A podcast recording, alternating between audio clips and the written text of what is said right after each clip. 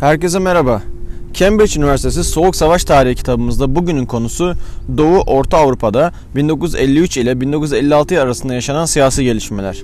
Bölümün yazarı Saba Bekes, Macaristan'da Soğuk Savaş Tarihi Araştırma Merkezi'nin direktörlüğünü yapmakta ve 1956 Macar Devrimi ve Dünya Politikası ve arşiv belgeleriyle 1956 Macar Devrimi kitaplarının da yazarıdır. Sovyetler Birliği lideri Stalin'in ölümünden sonra Sovyet liderliğinin önceliği Orta ve Doğu Avrupa'daki 2. Dünya Savaşı'nda elde ettiği kazanımları ve komünist rejimlerin varlığını korumak, Batı ile daha iyi ilişkiler kurmak ve eski sömürge devletleri olup da bağımsızlıklarını kazanan veya kazanmaya çalışan 3. Dünya ülkelerine yardım ederek nüfuz alanını genişletmekte.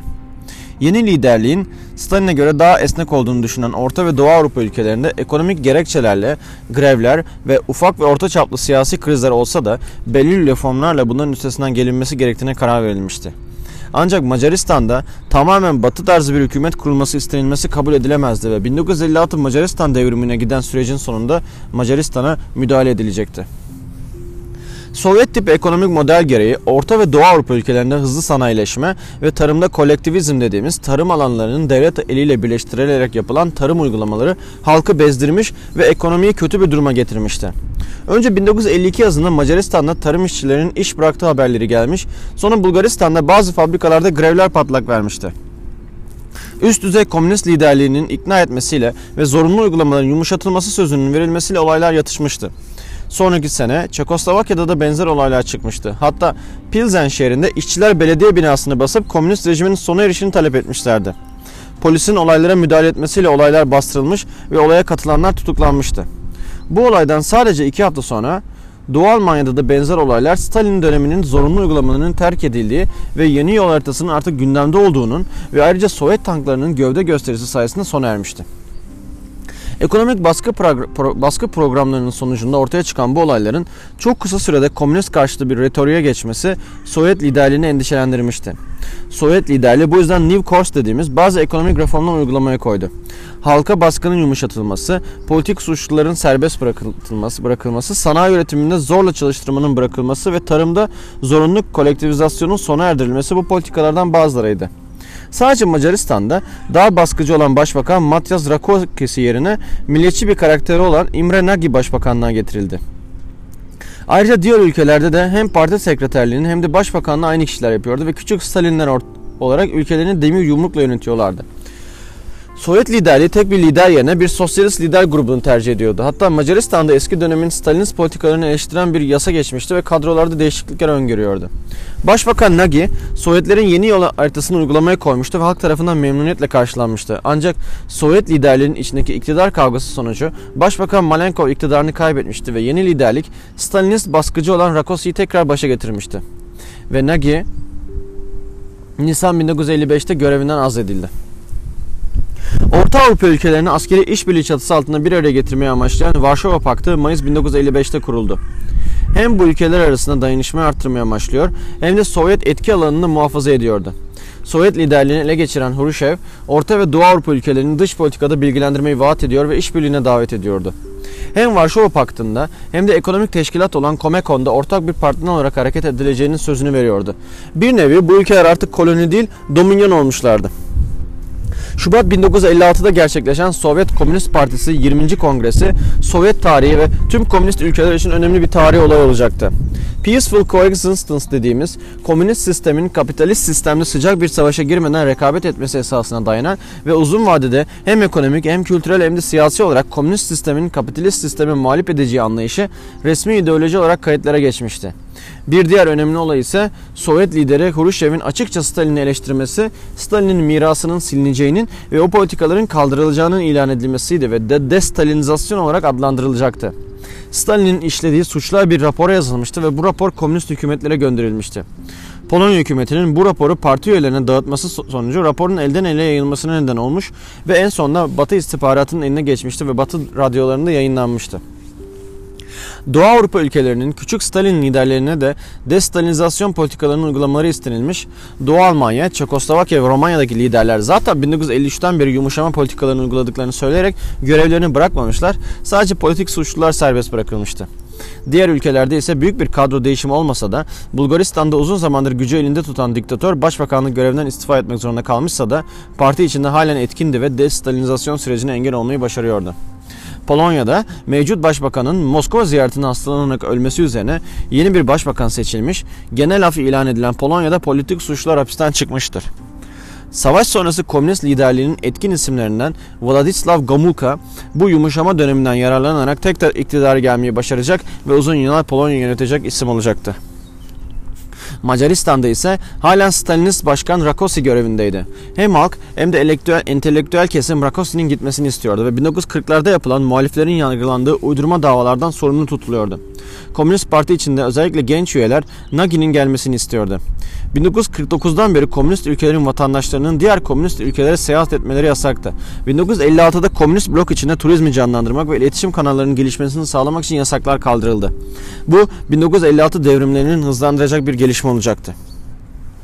Ayrıca Stalin'in politikalarından dolayı 1948'de Yugoslavya ile kopan ilişkilerin tekrar tamir edilmesi için çalışmalar başlanıldı. 1947'de Stalin'in kurduğu komünist partilerin kontrol altında tutulduğu Komünform Teşkilatı da 1956'da kapatılmıştı. Ancak Yugoslavya tekrar komünist bloğa kazandırılırsa dahi Yugoslav modelinin diğer kontrol altında tutulan Doğu Avrupa ülkelerine kötü örnek olmasından çekiniliyordu. Yugoslavya kendi dış politikasına sahipti. Ülke içinde liberal nitelikli sosyal demokratlar etkindi. İşçilerin daha fazla hakları vardı ve halk siyasi olaylara daha ilgiliydi. Tam da bu sıralarda Polonya'nın Poznan şehrinde birkaç sene önce Pilsen ve Doğu Almanya'da olan gibi işçilerin ekonomik taleplerle başlattığı olaylar büyümüş, halk kitlesi polis merkezlerini basıp silahlanmış, hapishaneler basılmış ve halk askerlerle çatışmalara girmişti. Olayların Macaristan'a da sıçramasına endişe duyan Sovyet liderliği Macar lider Rakosi'yi azletmiş ve yerine başka bir Stalinist lider atamıştı. Ancak Macarlar daha fazla reform istiyordu ve bu atamayı yetersiz bulmuşlardı. Sovyet lideri Hruşçev, komünist blok ülkelerine ve Yugoslavya'ya da gönderdiği mesajda Sovyetler Birliği'nin her türlü tedbir almaya hazır olduğunu bildiriyordu.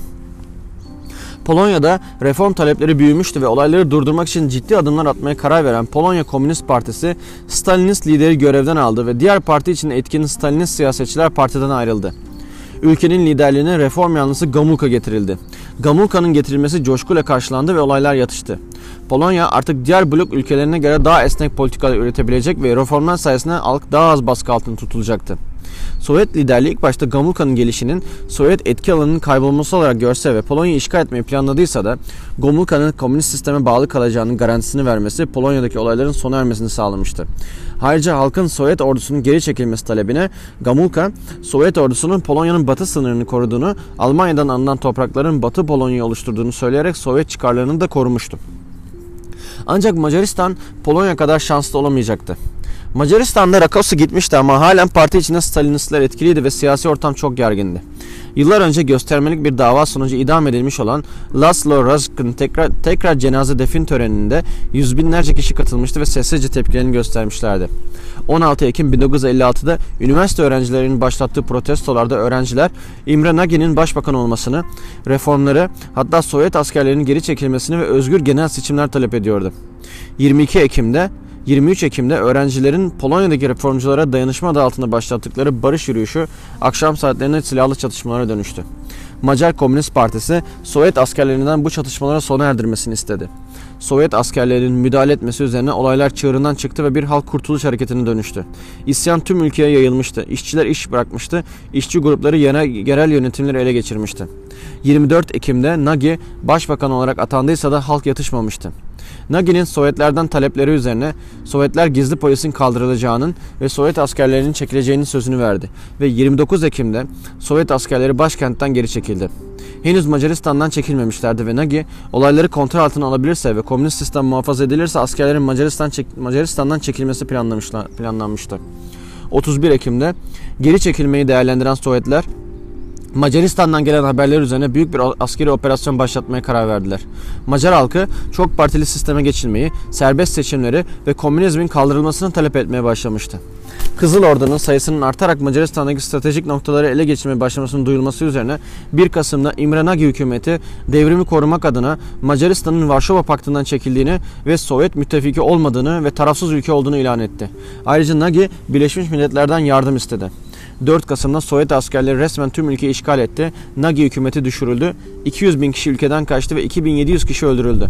20 bin kişi tutuklandı. 230 kişi idam edildi. İdam edilenler arasında Başbakan İmre Nagy ve hükümetindeki bakanlar da vardı. Batı güçleri resmen bu olayda Macaristan'a yardım etmeyerek 2. Dünya Savaşı sonrası kurulan statükonun korunmasından yana tavır almışlardı.